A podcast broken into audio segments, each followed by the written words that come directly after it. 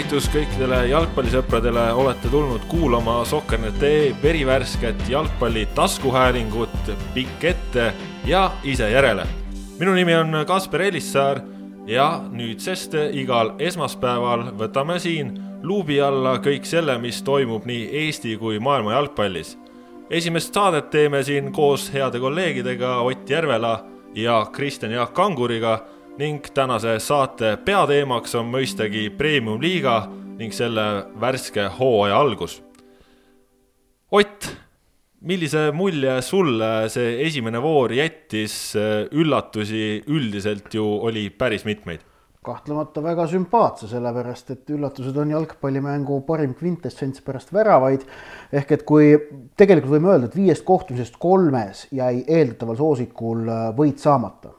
sest eeldatud soosikud olid ju nii Nõmme, Kalju, Narva, Trans kui Tartu Tammeka, kes kõik siis pidid piir, piirduma vastavalt kas kaotuse või viigiga. et see üldine foon kahtlemata liigahooaja algusel oli selles mõttes sümpaatne, sest üllatused on head ähm,. ning noh, mängulise kvaliteedi koha pealt vaadates siis noh, nägi ju tegelikult äh, nii mõneski mõttes päris äh, toredaid asju, noh, me saame rääkida sellistest üksikutest virtuooslikest hetkedest nagu, nagu Levadia Kalevi mängus nähtud selle ukrainlase Surakovski äh, suurepärane Atško või, või siis ka äh, Flora tulevikmängus Vassiljevi söödud, äh, noh, samuti tegelikult isegi Tammeka Maardu mängus paar väga kena episoodi, aga saame samas rääkida ka meeskondlikest esitustest, mis pakatasid või noh, üllatasid positiivses mõttes ja siinkohal eelkõige pean silmas Kuressaaret ja Paidet, kes äh, noh, need, need esitused ei olnud küll sarnased, aga äh, oma iseloomult, aga sarnaselt oma selliselt ütleme üldisemalt äh, üldisemast poolest, sellepärast et mõlemal puhul nii Paide kui Kuressaare suutsid ennast väga hästi mobiliseerida, väga hästi keskenduda, eesmärgile pühenduda ning selle plaaniga rahulikult, äh, rahu säilitades äh, ellu viia. ja Kristjan Jaak, millised sinu esimesed emotsioonid olid enne, kui me võib-olla siirdume mängude juurde ka üksipulgi, et selline üldine arvamus avavoorust? täpselt nagu Ott ütles, mida rohkem üllatusi kohe alguses, seda parem kogu liigale tegelikult. intriig üles kohe esimese mänguga äh, jagus seda intriigi veel, sest noh, ikkagi Transi võib ju, ju lugeda selgeks soosikuks Kuressaare vastu ei saanud seda tõesti jah, väga suureks üllatuseks nimetada või sedagi, et Maardu tammekalt punkte võttis, aga, aga, aga mida rohkem sellist tasavägist mängu, seda parem, ma väga loodan, et sellised viis-üks skoorid, kusjuures tegelikult see viis-üks ka ei näidanud päris täielikult seda, et Levadia oleks Tallinna Kalevist nii hirmus palju üle olnud.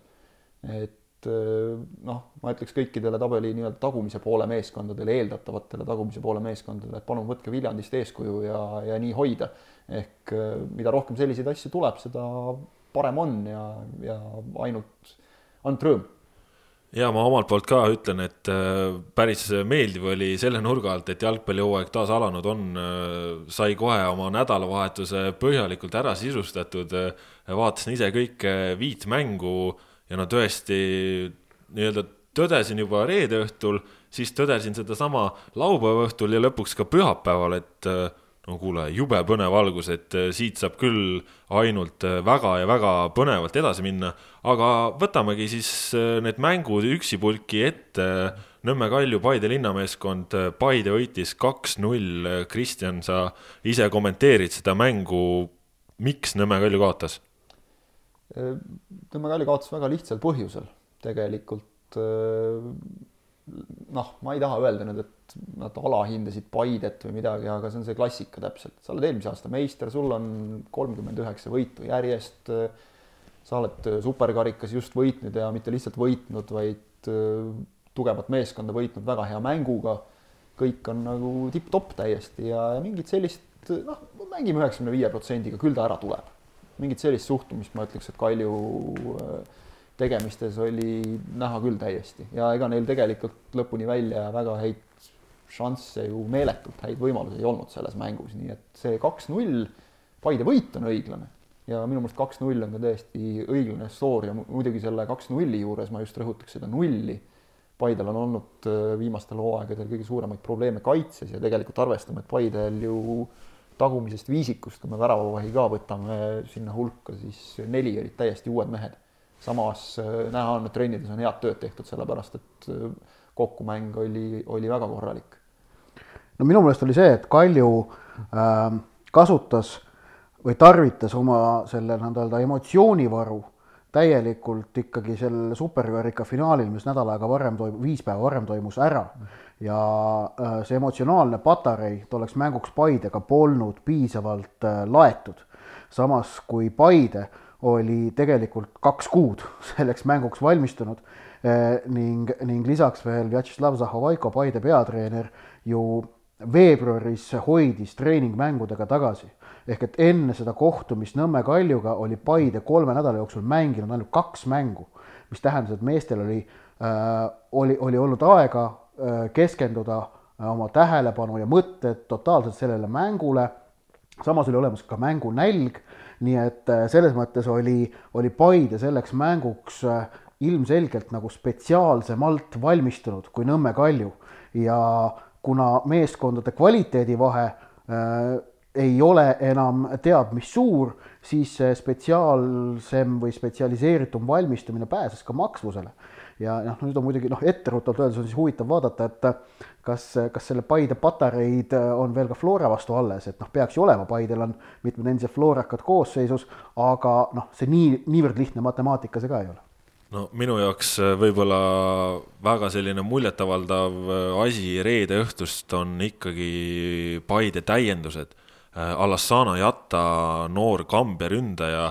no kasvõi see avavärava olukord, äh, kus ta noh, läks lõpuni olukorras, kus äh, võib-olla paljud ei oleks üldse isegi läinud või oleks pooleli jätnud, läks lõpuni, lükkas kehaga ära Mikk Reintami ja lõi siis sedavõrd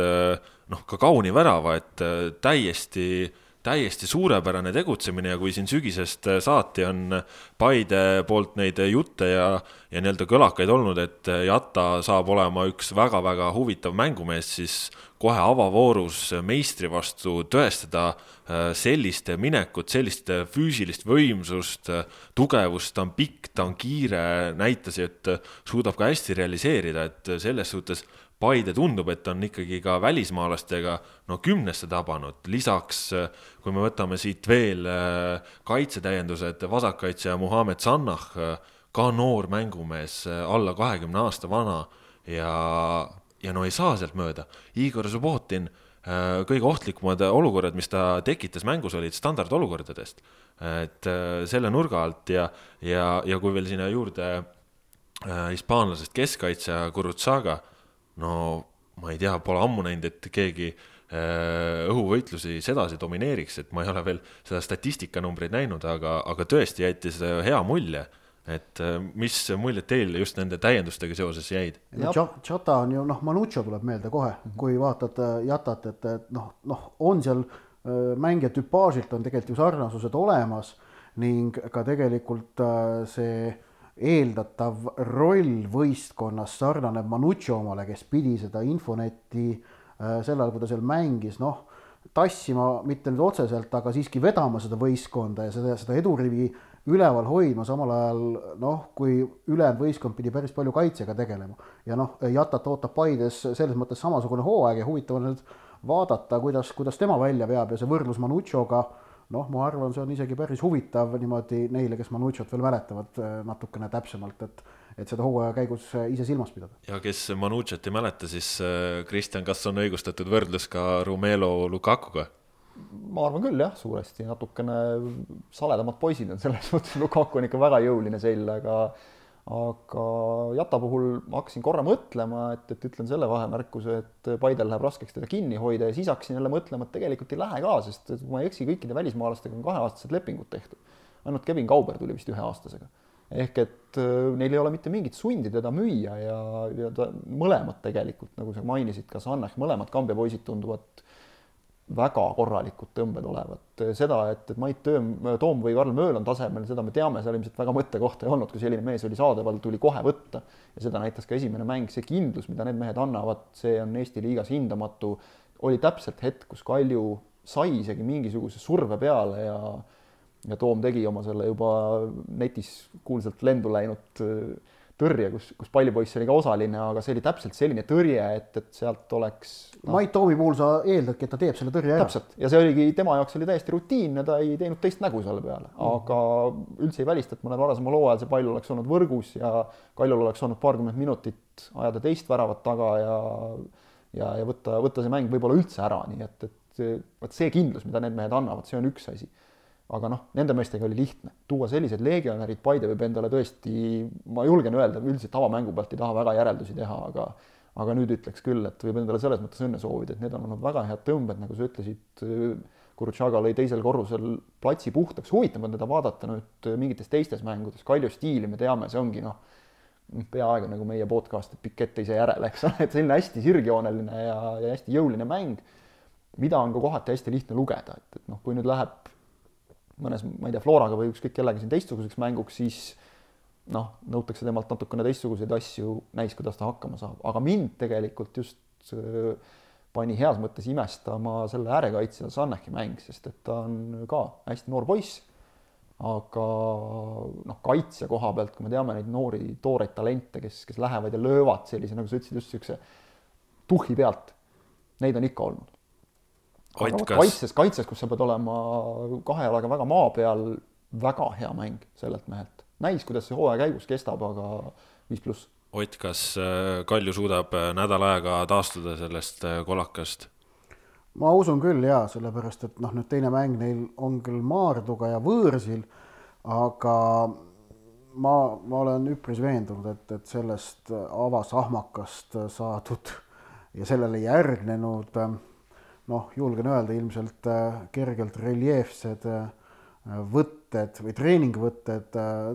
toovad Kalju sellest mugavustsoonist välja, raputavad nad üles ja noh, Maardu vastu peaksid nad klassiga lihtsalt ära võtma, see ei ole see, Paide vastu noh, tuleb kõigil liiderkolmikul ilmselgelt arvestada, klassiga lihtsalt enam Paidet see aasta ära ei võta, et, et tuleb nagu selgelt õnnestuda. Aga läheme edasi laupäevaste mängude juurde, laupäeva kohe esimene mäng ka Sokernetis äh, otsepildis seda näha sai, Narva Trans, FC Kuressaare null-null ja no see mäng äh, tundub küll natukene noh, selline tugevamat sorti äratuskell äh, Transile, kes noh, siin hooaja eel on rääkinud mõtetest mängida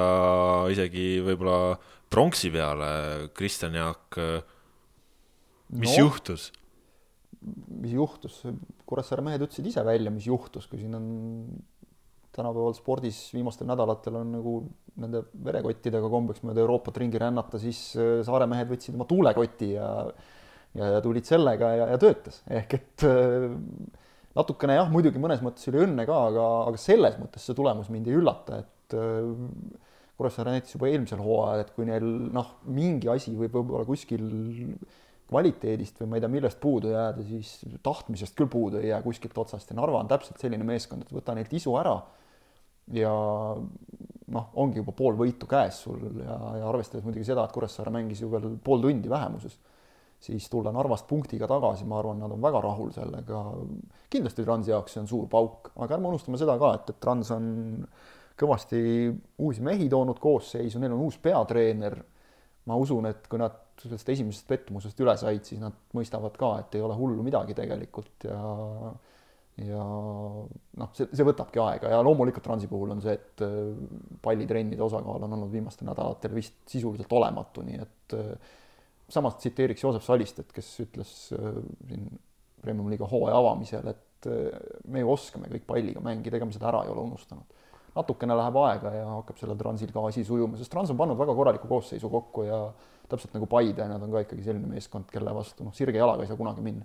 no see, et äh, Trans, kes on niivõrd palju talvel vahet, vahetanud mängijaid ikkagi ja ka treenerit, et nad on hooaja alguses liigestest lahti, see oli tegelikult täiesti ootuspärane. ning, äh, ning ma usun, et see kestab veel siin aprilli lõpuni vähemalt neil. Äh, ja samas Kuressaare ongi meeskond, juba eelmine hooaeg oli, et mida kauem nende värav puutumatuna püsib, seda keerulisemalt alistatavaks nad mängu käigus muutuvad sest et kahtlemata tegemist on sellise hingeliselt väga tugeva võistkonnaga, ehk kui nüüd sai öelda, et Trans on liigestest lahti, siis Kuressaare skelett on momendi liimiga niimoodi kinni pandud, et ükski krüptoniit seda seal naljalt lahti ei, lahti ei kanguta. ja, ja noh, see pääses maksvusele. ärme unustame seda ka, et, et Kure mehed said ju eelmisel hooajal väga palju enesekindlust juurde, selle satsi tuumik on sisuliselt sama ja nägid, et absoluutselt kõigiga võime mängida, seda oli tegelikult näha juba Kuressaare eelmise hooaja käigus, kuidas meeskonna enesekindlus järjest tõusis ja ma ei näe mitte mingit põhjust, miks see peaks madalam olema sel hooajal. No muidugi natukene vara on ka järeldusi teha siin ühe vooru ühe mängu pealt, aga äh, mulle isiklikult tundus äh, võib-olla või vähemalt mu äh, seesmine tunne sai kinnitust, et sel aastal Premium-liiga on äkki isegi ühtlasem ja, ja võrdsem kui eelmisel aastal just see taseme mõttes, et et muidugi esimesed on väga tugevad, aga, aga nii keskel kui tagumises otsas on kõvasti juurde pandud ja, ja ma ei tea, mulle tundub praegu vähemalt tõesti selle viie mängu pealt, mida õnnestus vaadata, et äh, sel aastal premium-liiga äh, võib meid üllatada väga palju just selles positiivses võtmes, et me olemegi liikumas järjest enam sinnapoole, kus võistkonnad, ka tagumised võistkonnad suudavad üllatada. Ja no eks muidugi Kuressaare suutis ju eelmisel aastal ka juba koduski Levadialt viigi välja võtta, aga aga, aga just see mänguline pool ka, et muidugi aasta alguses kõik ongi rabe ja, ja nii edasi, aga, aga et sa suudad selle tulemuse teha ja, ja no olgem ausad, tegelikult ju Kuressaarel oli nii mängu alguses kui ka mängu lõpus väga head momendid ka kolm punkti võtta, kui mängu alguses siin noh, Sander Laht kontrarünnakus lõi Aleksei Matrossovile kätte, on ju, ja mängu lõpus Reivo Vinteril vahetuses sekkunud kaitsel oli veel ka suurepärane moment see võiduvärav lüüa, nii et noh, mulle tundub, et see võib natukene sellist asja peegeldada, kuidas teie tunded selle osas on? no ma tahaks küll loota, et nii läheb, jah sest et no. Äh, üldiselt ei ole suuremat huvitapjat kui pakid, mida me oleme siin viimastel aastatel jumal paraku ikka natuke liiga palju näinud, et no,. pakid käivad ikka niimoodi hoo, noh, et mõnel hooajal on neid rohkem, mõnel jälle vähem, aga jah, et äh, loodame kindlasti, et tuleb tasavägine hooaeg, aga olles Eesti jalgpalli kõrgliiget jälginud enam kui kakskümmend aastat, siis äh, olen siiski esialgu ettevaatlik no ja tõesti, kui sa ettevaatlik oled, siis üks ettevaatlikuks tegev mäng oli laupäeval seesama FCI Levadia võitis Tallinna Kalevit viis-üks. noh, see oli ka selle nurga alt üsna ootamatu kohtumine, et Kalev vähemalt alustas küll sellise minekuga, et et jäigi ainult mulje, et noh, kaua nad nii jaksavad ja, ja siis selguski, et ega nad ei jaksanudki ja, ja teisel poolel Levadia läks oma teed, aga aga Ott, sinu mõtted selle tulemuse osas, kas, kas tulemus näit... oli, tulemus oli ju noh, ütleme laias laastus ootuspärane, et Levadia võtab kindla võidu, mis see täpne skoor on, noh, Kalev Kruus pakkus vist äh, veel rohkem kui mina, aga noh, okei okay,, see kumbki me pihta ei saanud. aga, aga ma noh, ma ei, ja minu meelest Kalevi võistkonnast me selle mängu põhjal siiski olulisi järeldusi teha ei, teha ei saa. et Kalevist järelduste tegemiseks on vaja oodata ära need mängud, kus Kalev mängib äh, tabeli tagumise otsa võistkondade vastu. Äh, küll aga ma nüüd nii käesoleva kohtumise kui ka superkarika finaali põhjal tooksin välja nüüd ühe, ühe probleemse koha Levadias. Nad on kahe mänguga lubanud endale lüüa neli väravat äh, ning võimalusi on nende vastased suutnud nende mängudega, neid väga häid võimalusi, tekitada tegelikult veel rohkem. Kalevil oli ka veel paar päris head võimalust ning Nõmme Kalju jättis samuti superkarika finaalis paar päris head asja äh, löömata. ning see on äh, Levadia jaoks äh, noh, ütleme selline ilmselge mureallikas. tõsi, nende edasine kalender ei ole midagi väga, väga hullu esialgu, aga noh, praegu me näeme Levadia kaitseliinis ju sellist olukorda, kus äh, eelmisel hooajal äh, kolmandaks keskkaitsjaks olnud Marko Lipp on saanud ametikõrgendust äh, niimoodi, et ta on mööda nihkunud kahest toonasest põhikeskkaitsjast, Maksim Podholjuzinist ja Igor Tudarevist. Tudarev on langenud pingile ning Podholjuzin on läinud parem kaitsesse, kus ta on pingile kukutanud Markus Jürgensoni ning Lipp mängib keskkaitses koos äh, klubiga liitunud ukrainlase Ossipoviga. ehk et äh, selles mõttes Rogic on praegu kahes mängus äh, kaitseliiniga teinud, on ju, sellise julge otsuse. nüüd on huvitav näha minu jaoks, kas need võimalused, mis Levadia vastased on senises kahes kohtumises saanud, sunnivad või panevad Rogicit mõtlema muudatustele, kas siis keskkaitses või paremkaitses, noh, vasakkaitses Dmitri Kruglovi koht on kindel ülejäänud kolme osas ma usun, on, on kõikvõimalikud muudatused reaalsed. et, et see on nagu see, mille ma siit Levadia Kalev mängust kaasa võtaksin. no aga jah väike parandus ka, et Ossipov siiski venelane, aga, aga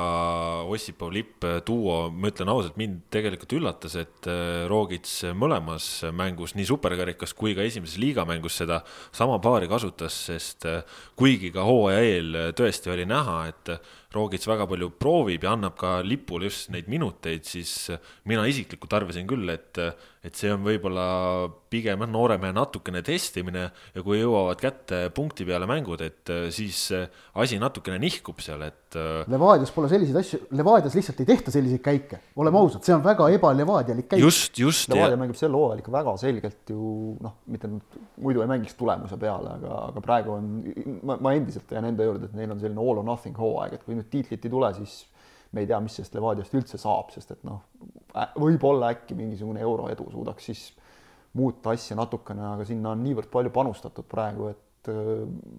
eks ta on natukene riskantne selles suhtes, et sa paned niivõrd palju sinna alla ja, ja noh, tegelikult okei okay,, saad selle Eesti tiitli kätte, mida Levadia ei ole ka õige mitu aastat võitnud juba tegelikult, aga neli aga aastat, neli aastat. neli on ikka väga pikk aeg Levadia jaoks tegelikult, aga noh, see euroedu tuleb, ta ei tule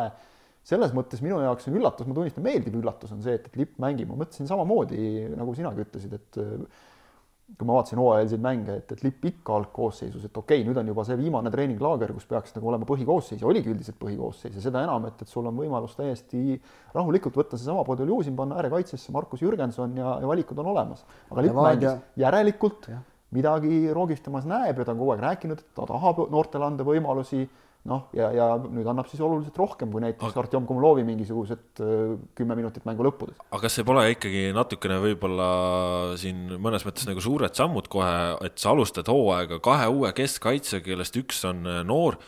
ja sa liigutadki keskkaitsest ära Maksim Podoljuzini, kes tõsi, on ütleme, et aastaid tagasi on väga palju ju mänginud äärekaitsest, oligi varem äärekaitse, aga kes viimased noh, suurusjärgus äh, kolm-neli hooaega on olnud äh, Eesti liiga üks parimaid keskkaitsjad, see on ju mõnes mõttes nagu enesetapulik käik, et kui sa ise ka ütlesid, Kristjan Jaak, et, et on kõik või mitte midagi hooaeg ja siis sa alustad sellist hooaega sedasi et, et sa vangerdad, muudad oma kaitseliini, olgem ausad, eelmisel aastal ju ei olnud kaitsega Levadial üldse palju probleeme ja nüüd sa teed selle muudatuse ja sa oled kahe mänguga lasknud omal neli tükki lüüa, et. no kindlasti vaatame nüüd järgmisi mänge, mis, mis on Rogitši käigud, kas neid tuleb, sest et jah, just, just isegi see, et, et mitte kui palju sa endale lüüa lased, vaid see, et ka Dmitri Krugolov ütles pärast seda mängu, et esimesel poolel tõesti lubamatult palju lasime Kalevil olukordi tekitada, oli lihtsalt õnne, et et nad ära ei löönud. Kalevil on sel hooajal väga noor meeskond, nii et äh, noh, ma olen endiselt seda meelt, et uh, usun, et kui nad on väga hädas, siis suvel nad täiendavad ennast kõvasti ja jäävad sellega püsima ka, aga, aga praegu jah, hooaja esimene pool tuleb meil kindlasti keeruline, eriti sellistes suurtes mängudes, aga nagu Ott ütles, et Kalevi puhul ootame ära need, nende mängud nii-öelda, kus nad peavad hakkama punkte võtma, võib-olla tuleb siia isegi neid üks-viitesid ja ma ei tea, null-kuutesid, mida iganes sisse, see ei ole mingi traagika Kalevi jaoks, see on ka, karastab noori mehi, aga aga noh, võitlesid tublilt, palju selles oli nüüd seda hooaja esimese mängu sellist tuhhi, mis siis aegamööda lihtsalt vaibus koos jõuga, eks me seda näe. aga liigume siis edasi pühapäeva Tartu Tammeka Maardu linnameeskond kaks-kaks. no Tammeka päästis selle viigipunkti viiendal üleminutil penaltist ja, ja tõesti Maardu oli ikkagi no suurt üllatust selles mõttes valmistumas, et nad tulevad esiliigast ja ja, ja kuigi tõesti ju me teame, et seal meeskonnas on seda kvaliteeti, siis äh, jalgpalli üldsusel, mulle tundub, see ikkagi on, on nappinud natukene seda usku, et, et Maardu on nii paljuks võimeline. Äh, ja, ja selle nurga alt äh, Maardu ja eelkõige just see Vitali Kuussev ikkagi väga tõestasid, et nemad on väga suures mängus, kui kui Tartu Tammekad, kes on siin mitu hooaega järjest suutnud just hooaja alguses näidata väga head minekut ja nüüd äh, noh, nad olid ju hädas Maarduga. Äh, tõe-, no ma ütlen jaa, see oli võrdne mäng, on ju, aga, aga see, kui konkreetselt Maardu rünnakul tegutses, äh, kui suured probleemid olid Tammekal mängu ülesehituses, ütleme, et vastase väljaku poolele jõudes, kuidas kõik lahendused said otsa Tammeka rehabiliteeris ennast väga kõvasti teise poolajaga ja eriti selle, nagu vahel see paradoks on, et sellest hetkest alates, kui nad et Kevin Aaloe kahe kollase kaardi, kiire kollase kaardi järel kümnekesi jäid ja viimased pool tundi pidid kümnekesi mängima, siis nagu järsku meeskond ärkas, tegelikult juba teise poole alguses Kaido Koppelit tuleb ka selles mõttes kiita, et ta tegi kaks väga kiiret vahetust, ühe kohe poole ajal, teise noh, sisuliselt sama hästi kui poolajal, kuus minutit pärast teise poolaja algust. see oli ka natukene sunnitud vahetus, sest Andre Paju läks väga hoogu seal,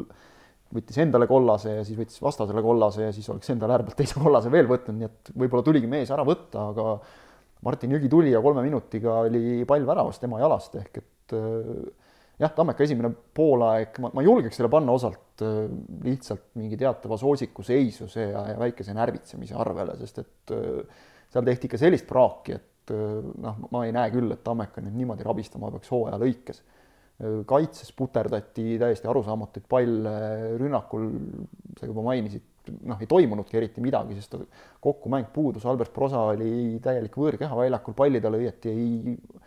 antud, keegi nagu midagi väga ehitada ei suutnud, ehk Tammeka logises igas liinis. teine poolaeg oli palju parem, muidugi esimesel poolel Maardu mängis ka hästi ja tõesti, võib-olla Maardu puhul on see, et, et seal on, kui sa tegelikult ükshaaval hakkad seda meeskonna algkoosseisu vaatama, siis äh, on ju mehed, kellel on premium-liiga kogemust küll ja veel. aga, aga niimoodi eraldi võttes neil selliseid avalikkuse silmis suuri staare ei ole, kuigi tegelikult Vitali Kussevit võiks ju selleks nagu lugeda, mees no, esiliigas mõned kus... väravad nagu eelmisel hooajal lõi. no mis esiliigast, me räägime, et no okei okay,, see on kümme aastat tagasi, aga kümme aastat tagasi oli ta Levadia ridades noh, meistriliiga suurim väravakütt no,, kakskümmend kuus väravat on ju. just, ja see on see klassika ikkagi, eks ole, et, et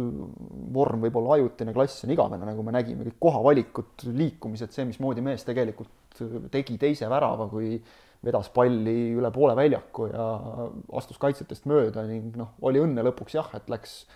läks Tammeka kaitse Hakim Sairineni jalast sisse, aga tegelikult seal oli Maardu mees ka kohe juures, nii et äh, see värav oleks ilmselt tulnud nii või naa ja, ja, ja noh, kindlasti Nikita Brõlin, mees, keda tasub jälgida, et äh, kvaliteeti on Maardu puhul kõige suurem küsimus hooaja lõikes on lihtsalt nende pingi sügavus, kuna nad on siin ise ka suutnud äh, saali jalgpallurite Tšurirkini ja Grigorjeviga kähmerdada natukene reegleid korralikult mitte lugedes või valesti tõlgendades, siis noh nende viga. Ja, ja kes jätsid ka mulle täiesti sümpaatse mulje, olid mõlemad äh, Jaapani legionärid, et äh, et natukene veel muidugi jälle tuleb aega võtta selleks, et nendest meestest nagu tegelikku pilti ette saada, vahel ikka esimeses mängus tullakse hirmsa tuhhiga peale ja tehakse ja siis vajutakse ära, aga aga tundusid täitsa korralikud mehed ja, ja noh, hakkad niimoodi vaatama, siis jah, hooaja lõikes tulevad vigastused, mängukeelud, asjad, siis võib raskeks minna, aga kindlasti ei, ei saa kellelgi olema kerge nendega ja jälle Kaido Koppelit tsiteerides ka, et, et see Maardu valmistab veel siin peavalu teistele ka, mitte ainult meile. Tammekat tuleb kiita selle eest, et nad läksid äh, ikkagi täiega peale lõpuni, võtsid oma selle penalti välja neljandal lisaminutil, mis, mis ka tõesti oli penalti ja ja noh, lüüa teada, et see on mängu viimane löök ja sa pead selle ära lööma, Tauno Tekolt väga hea penalti ja, ja tehtud. Huvitav on näha, kuidas Tammeka selle mängu emotsiooni, et millise emotsiooni ta sellest mängust järgmisesse kohtumisse võõrsil tulevikuga kaasa võtab, et kas ta võtab kaasa pettumuse tulemuse üle või ta võtab üle selle siiski rahulolu tolle vähemusest saavutatud hilise viigivärava üle ning omakorda, et mida, kuidas see kaasa võetud emotsioon toda kohtumist Viljandis mõjutab, et see, see tulevik Tammeka mäng seal teises voorus on maiuspala number kaks pärast Paide Florat, ma väidan. ja lähemegi eh, siis ka avavooru viimase matši juurde, Flora tulevik eh, kaks-null ainult, eh, Konstantin Vassiljev jättis löömata penalti, Ott, sina valisid ta mängu parimaks ja said kohe jalgpallisõpradelt noh, kõvasti tagasisidet, sinu emotsioonid selle mängu ja, ja ka selle otsuse koha pealt selle peale, kui ma hakkasin seda noh, Rahet äh, seal mõningates kommentaarides kaela saama, tuli mul meelde kohe äh, tookord too mäng Šveitsiga siin Lilleküla staadionil äh,. oktoobris või novembris see mäng oli, Eesti kaotas null-üks Ragnar Klavani oma väravast äh,, mille ta lõi üheksakümmend pluss kolm minutit või umbes midagi sellist, on ju kusjuures äh, kolmkümmend sekundit varem väljaku teises otsas oli Ats Purjel kuldne šanss, ta oli üle löönud. ja, ja siis äh, kuu aega hiljem oli vaja valida Eesti aasta jalgpallurit ja otse loomulikult panin, panin, panin nii mina kui ka noh, täiesti suur enamik, peaaegu kõik Ragnar Klavani, kes ma ei mäleta, kas ta toona oli juba Liverpoolis või ta oli veel Augsburgis. esimeseks, no seal ei olnud mingitki küsimust ja siis, siis nagu tuli selle peale vallanduskriitika, kuidas te idioodid saate valida Eesti parimaks jalgpalluriks mehe, kes oma väravaga käkkis ära meie suurepärase mängu Šveitsi vastu. kas teil piinlik ei ole? mis professionaalid te olete, no halloo ja tere taevas, no minge, minge kuskile, ma ei tea, poodi piima järele, mitte ärge vaadake jalgpalli või võtke selle kohta sõna, kui sellist jõl, jõledat jõma sealt välja tuleb, noh. See, et Vassiljev eksis penaltiga, see oli tema kogu esitusest Äh, samamoodi nagu Klaavan tolles mängus lõi oma värava, oli Klaavani tolle aasta esitusest kaduv väike protsent ja, ja see, et Vassiljev eksis tolle penaltiga, mis oli tegelikult täiesti tähtsusetu juba, äh, ei olnud ka ju selles kohtumise kontekstis oluline detail, aga noh, eriti esimene poolaeg, siis need sööduliinid, see visioon, see platsi nägemine, see, kuidas ta üksinda mingi kas puusanõksu, kannapuutega, ühe puute sööduga mängis olukorrast välja kas kaks või kolm tulevikumängijat ja vabastas jällegi mõne enda kaaslase. see näitas äh, kvaliteeti, mida premium-liigas pole mitu aastat nähtud. Äh, ilmselt no Anton Mirantšuk võis kohati pakkuda kaks tuhat kuusteist kvaliteeti. kui ta viitsis mis, mis natukene meenutas sellist, kuigi nad on ampluaalt, nad ei ole noh, otseselt sarnased mängijad. aga, aga noh, selles ei olnud, see, see, vot, vot ongi, et, et ma, ma tõsi on ka see, et ma jälgisin esimesel poolel eriti Vassiljevit ka niimoodi spetsiifiliselt. ja see, kuidas ta, see, kuidas ta väljakul liikus, otsis, mida ta seal tekitas, see oli, see oli väga-väga kõva ja sellepärast ma ta ka kohtumise parimaks valisin, et, et ähm, jalgpall ei ole korvpall, kus vaadatakse protokolli ja loetakse punktid ja söödud kokku ja siis öeldakse, et see, kes kõige rohkem kirja sai, kelleks enamasti on Lebron James, et või James Harden, et tema oli ka kõige parem ja korvpallis see peab ka paika sellisel juhul. jalgpallis need asjad niimoodi ei käi ja siis ma vastan kohe ka ära küsimusele, miks, miks mitte Karl-Robert Nõmm selle mängu parim ei saa olnud ei, ei, ei olnud, sellepärast et üks-null värava puhul ta pudistas, pudistas selle löögi ikkagi liivakule vastu ja, ja noh, üks-null värav oli, oli eelkõige ju tema eksimus siiski. kuigi ta muidu kohtumise jooksul tegi tõesti väga mitu head tõrjet ja, ja korralik partii, aga kui väravvahilt eksimusest sünnib kohtumise võiduvärav, siis noh, see on ikkagi, ikkagi tema, tema häda, tuleb meelde ammune, ammune, ammune valikmäng Eesti-Belgia siinsamas Lilleküla staadionil, mil Eesti kaotas null-üks Wesley Sonki teise minuti väravas, kui Mart Poom talle palli põhimõtteliselt jala peale pudistas. ülejäänud üheksakümmend minutit Poom mängis briljantselt, aga noh, emotsioon oli ikkagi see, et kaotasime Poomi eksimuse ja ei, absoluutselt, tegelikult ju Nõmm, mul oli hea meel näha, et ta on pärast seda eelmise aasta, noh, rasket aastat, rasket hooaega, kus vigastus ikkagi nii tugevalt teda segas, et ta on leidnud üles oma kindluse et ta on, äh, on tulnud tagasi, aga, aga tõesti jah, see avavärava olukord, noh, seal oli tal väga selge variant äh, see pall minema tõrjuda, aga, aga ta lasi näppude vahelt selle läbi ja, ja siin on võib-olla tegelikult üks küsimus veel, et kas Frank Liivak tegelikult äh, Gerd Kamsi selle soorituse hetkel ei olnud mitte suluseisus? See seal, seal ütleme, noh, seda kaamera stopp-kaadrit seisma pannes oli ma ütleksin niimoodi, et kuuskümmend, nelikümmend, et Liivak oli suluseisus, aga mitte mingit ammendavat oh, te, ütleme kindlust me selle, selle stopp-kaadri põhjal mina vähemalt ei saanud, nii et kui oleks olnud varr, oleks värav jäänud kehtima. jah, ja, ja tegelikult, kui siia veel tulla tagasi Kostja Vassiljevi juurde, siis noh, ma ka märkasin kogu mängu jooksul seda noh, ikkagi seda väga-väga palju kõrgemat klassi, et Just. me, me, me ei saa vaadata mööda sellest, et kui meil äh, koduliigast pääsevad mängijad koondisesse, siis tihtipeale nad on seal noh, marginaalses rollis, nad ei suuda seal olla üldiselt liidrid, kui nüüd jätta välja viimatine näide Sergei Leppmetsa näol, on ju. ja, ja kui me võtame siis teistpidi, et Konstantin Vassiljev, kes isegi Poola kuuendas liigas mängides oli sügisel Eesti koondise noh top kolm mängija sügise alguse poole top üks mängija isegi, et äh, kui sellise kvaliteediga vend on sul siin äh, Sportland Arenal äh, tuleviku vastu väljakul, sa näed seda, sa tunnetad seda ja, ja tegelikult minu arust noh, Vassiljev sai ikkagi oma meeskonnakaaslaste poolt suure ülekohu osaliseks, sest noh, Vassiljev oleks pidanud kirja saama, ma arvan, vähemalt viis väravasöötu. ei saanud midagi. natuke palju, kaks või kolm küll, jah ma tahaks ka küsida nagu osade inimeste käest, olen ka kuulnud mingeid selliseid jutte, et umbes, Vassiljev on juba noh,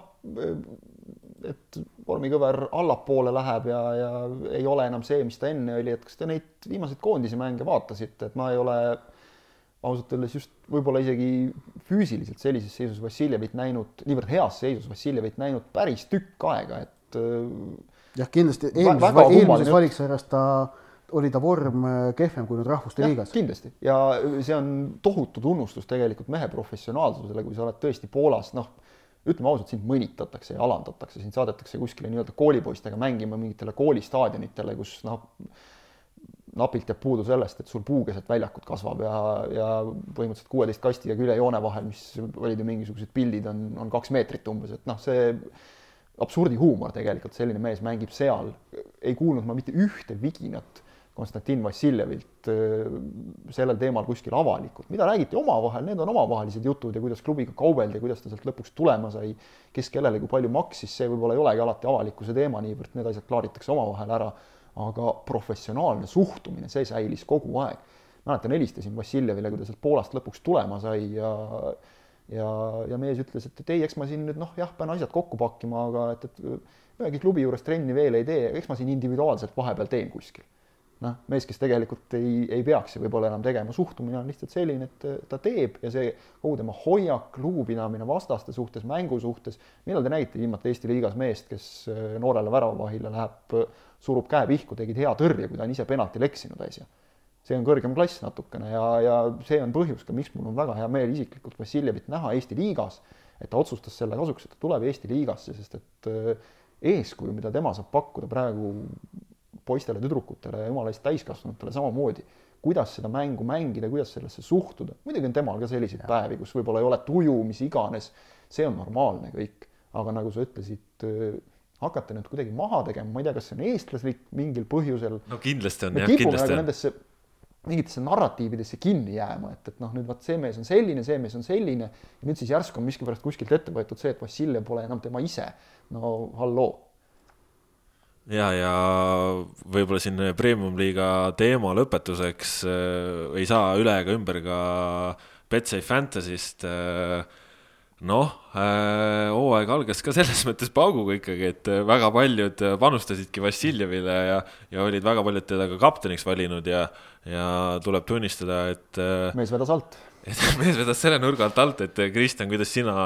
omal äh, Betsafe Fantasy avavooru kokku võtad, et äh, tuleb tunnistada, äh, Fantasy algus ei olnud just kõige suureskoorilisem ja, ja eks siin neid altvedajaid oli teisigi, noh, kasvõi Lilju näol. Harju keskmine, ütlen ja vaatasin ka nagu, et, et vooru tipust jäin väga kaugele seda lihtsal põhjusel, et väga paljud, ma ei tea, kas siis sellest juhindudes, et julge hundi rind on kas rasvane või haavleid täis, läksid kohe selle peale, et panid seal äh, uue reegli võimaluse järgi omal kohe kolmekordseks kapteniks kellegi, kes no,, kes no, seal Kando, Kando, jah, kes seal Kando näiteks pani, see, sellel oli käsi kullas kindlasti, kes Vassiljevi pani, sellel nii väga ei olnud, aga aga tuletan meelde, et seda siiski saab kasutada ühe korra, nii et noh, palju õnne neile, kes Kando panid, vähemalt saite sealt midagi, kes ei pannud, äh, sellel nii hea meel ei ole ilmselt, aga, aga see on fantasy jalgpall, et et äh, ma nüüd seal, seal toimuvat võib-olla liiga traagiliselt ei võtaks, et seal ei maksa ka kurjaks minna selle peale kohe, kui mõni mees ei löö ja noh, me teame siin maailmas on ju nii, et sportlastel kirjutatakse Instagramid ja Twitterid täis, seda küll enamasti siis nende poolt, kes on raha peale pannud tulemusele. et sa läksid mulle nüüd nii palju maksma, ei noh, ei ole päris nii need asjad. ja veel, veel totram tundub olevat seda teha fantaasia jalgpalli puhul, et läheb nagu läheb ja see võiks tegelikult olla selline võlu, mis, mis tekitab väikese hasardi, väikese, väikese põnevuse, noh, Ott, ma tean, on ma ei saa nüüd öelda, et fantaasiajalgpalli vaenlane kindlasti, aga ta ei ole selle sõber ja, ja põhjus oli sul väga lihtne, oli see, et et kui siin enne näiteks esimese vooru algust tuli ka kohe info, et, et mõned mehed on vigastatud, siis tuleb hakata koosseisu sättima. Ma tunnistan täiesti, jah, sellesse võib liiga kinni jääda teinekord ja siis istudki seal, tõstad mehi ümber positsiooni. mina loobusin fantaasiamängu karjäärist, ma arvan, umbes kümme aastat tagasi, kui ma tuvastasin, et see ei lase mul enam normaalselt mänge vaadata, vaid ma mõtlen ainult läbi fantaasiapunktide. ja see on hea, hea aspekt. see, see, aga siis oli meistrite liiga see fantaasia, mida me seal Õhtulehe sporditoimetuses mängisime omavahel, et, et see hakkas jah segama ja siis ma lõpetasin selle pulli ära. et see on tore, tore asi, väga mängige seda kindlasti, aga ärge nüüd võtke seda kui elu ja surma küsimust, et äh, tehke oma sõbraliigad ja, ja see, mina näiteks mängin igasuguseid fantaasiajalgpallimänge just, ma ei vaata absoluutselt, kus ma olen selles üldtabelis, sest noh, ma tean, ma olen niikuinii kuskil tagapool, seal on alati on keegi, kellel läheb paremini, aga just sõbraliigad, need on, see on väga hea asi, kui saad öelda, et aa, vot sain kaks punkti rohkem ja et see, kui Bill Shankly, Liverpooli peatreener, ütles kunagi, et ärge arvake, et jalgpall on elu ja surma küsimus, see on palju tähtsam. Et see tegelikult noh, täitsa nii tõsi ikka ei olnud. ja no jalgpalli puhul veel võite ju nii võtta, aga ärge seda fantaasia jalgpalli nii tõsiselt võtke, aga jumala eest mängige, sest et see aitab palju-palju äh, paremini tuttavaks saada mängijatega, ka selliste mängijatega meeskondadest, keda te võib-olla muidu väga ei jälgi, sest noh, igaühel meist on oma lemmikud, me vaatame nende meeskondade mänge rohkem, teisi vähem, aga aga seal sa pead ju valima ka, ei saa nii, et, et võtan kõik esikolmikust ära ja ongi tehtud, sa pead süvenema ka tagumise tabeli teise poole meeskondadesse ja, ja see on põnev. Just, sealt võib teinekord äh, täpselt, mina, mina olen hakanud just mingeid mängijaid vaatama hoopis tänu sellele teise pilguga, et, et äh, kui terav ta on, mida ta teeb, milline on tema panus äh, ainult huvitav ja ma ise pean ka ütlema, et, et ta ikkagi seda jälgimisprotsessi, kui ta noh, Ott ütles siin, et ühel hetkel äh, läks jälgimine kuidagi nagu liiga raskeks juba, et, et vaatas kõike läbi Fantasy, siis ikkagi põnevust lisab äh, oluliselt juurde ja, ja väga meeldiv on äh, näha ka nendelt virtuaaltreeneritelt seda tagasisidet, kus inimesed, kes noh, muidu ei jälgi nii palju kodust jalgpalli ja ütlevad, et näed, tead siin Fantasy pärast vaatan, vaatan Trans Kuressaare mängu, et noh, see on super, et, et kui need asjad nii lähevad ja, ja noh, mul endal ka no üks noh, tugev korvpallurist sõber on samamoodi öelnud, et no super asi, et, et vaatan ka, hoian pilku peal, mis Eesti liigas toimub just tänu Fantasy mängule, nii et ja noh, see aasta kahtlemata äh, Äh, ka ütleme, kuna Soccernet äh, muutis seda fantasy mängijate hinnapoliitikat natukene karmimaks, siis äh, võistkondade koostamine oli paratamatult raskem. ei Ma saanud, ei saanud kõiki tippmängijaid oma võistkonda ja ja nii palju, kui ma siin neid ka mõndasid võistkondasid sirvinud olen, siis no tõesti on näha, et see aasta on seda äh, Äh, nuputamist olnud paljudel väga palju rohkem ja, ja need võistkonnad on erinevamad ja, ja selle arvelt äh, noh, tõesti sihuke väga mõnus äh, lisaasi siin premium-liigale, mis noh, endal teeb küll tuju heaks, kuigi noh, eks mulle isiklikult tähendab see ka oluliselt kõrgemat töökoormust, aga, aga ma arvan, et, et siin pigem on see kõik ainult plusspoolel ja et me ei räägiks ainult Eesti jalgpallist, mis mõistagi eestlasest jalgpallisõbra jaoks on A ja O, siis äh, siin kohe sel nädalal, teisipäeval, kolmapäeval on ees ootamas ka meistrite liiga duellid, räägime põgusalt nendestki. Teisipäeval juba homme Manchester City, Schalke Cityl äh, kolm-kaks edu võõrsilt äh, all, äh, noh, siin paaris, kas on kõik otsustatud või mitte, kuidas teil tunne on? ma ise ütleks, et äh, pigem siin nüüd City mingit jama korraldama ei hakka. ma julgeks panna City edasipääsu protsendiks tubli noh, kaheksakümmend viis, üheksakümmend äkki, sest et esimeses mängus olid tegelikult Schalkel kõik võimalused endale kordusmänguks vähemalt lubav positsioon tekitada selle asemel mängiti isegi selline poollubav võimalus maha, et äh, jah, kolm-kaks City kodus, Schalke peab neile lööma kaks väravat vähemalt. Äh, ma ausalt öeldes ei näe väga varianti, kuidas sealt äh, paarist saaks Schalke edasi minna, loomulikult alati võib mingeid täielikke üllatusi tulla, kolm meest võtavad punase, mis iganes, aga, aga ei, ma ei, ma ei näe varianti ausalt öeldes. kaheksandikfinaal ei ole veel see faas, kus City oma meistrite liiga hooaja ära muneb, et see, see tuleb kas veerand või poolfinaalis. aga see tuleb ja noh, jah, ütleme nii, et kui, kui peaks nagu mingit vaatamissoovitust jagama, siis võtke see teine mäng ette, kuigi seal on tegelikult nagu peale vaadates skoori poolest vahe suurem. jah, see teine mäng Juventus Atletico Madrid, Atleticol kodust kaks-null eduseis all. no pole siin küsimust ka, et Cristiano Ronaldo Juventusesse osaliselt just sellepärast toodi, et aitaks neid tiitleid koju tuua. Ott, kas tõesti on kõik juba Juventuse jaoks läbi? ei no kindlasti ei ole läbi ja, ja kindlasti, kui nagu on võistkond, kes on suuteline võõrsil saadud null kaks kaotusest kodus välja tulema, siis noh, Juventus on Euroopas üks, üks paremaid selleks, et kindlasti on Juventuse võistkonnas piisavalt kogemust, piisavalt taktikalist küpsust, et olla kannatlik, mida säärane seis teatavasti vajab. Ehk et see, see noh, null kaks võõrsil löödud väravate reegliga on ju see, kus isegi kuuekümnendal minutil seisul null-null tuleb jääda kannatlikuks ja teadvustada endale, et, et, et see kaks väravat, noh, see, see ei ole, et kui see esimene värav tuleb seitsekümmend seitse, ei ole ikka veel seis, noh, teab mis halb. et see on tegelikult ju sageli see, see nüanss, mis võistkonnad selles olukorras murrab. Nad hakkavad liiga kiiresti, liiga palju rapsima. ma olen kindel, et Juventus suudab seda vältida, aga nüüd on omaette küsimus see, kas neil lihtsalt on Äh, nende kvaliteet piisav, et Atletico väga heale kvaliteedile antud äh, olukorras ikkagi vastu panna ja noh, Atletico nulli peal hoidmine läheb keeruliseks. kui Atleticot nulli peal ei hoia, tuleb ise lüüa neli. Äh, Ronaldo faktorit ei tasu ikkagi alahinnata, et noh, elu on näidanud, et mida keerulisem on seis, mida halvem on olukord, siis noh seda suurem on tõenäosus, et Ronaldo kuskilt tühja koha pealt, äh, kasvõi halva vormi pealt, mis iganes, tuleb ja ikkagi teeb ja, ja päästab oma meeskonda. aga tõsi on muidugi see, et ma, kui ma peaksin nüüd noh, ütlema, kumb sellest paarist edasi läheb, ma ikkagi päris kindlasti usun, et, et Atletico läheb edasi, aga Juventust vaatamata null kahele ei tasu maha kanda absoluutselt maha ei tasu kanda, võib-olla ise lisaks äh, sellele duellile just selle nüansi veel juurde, et äh,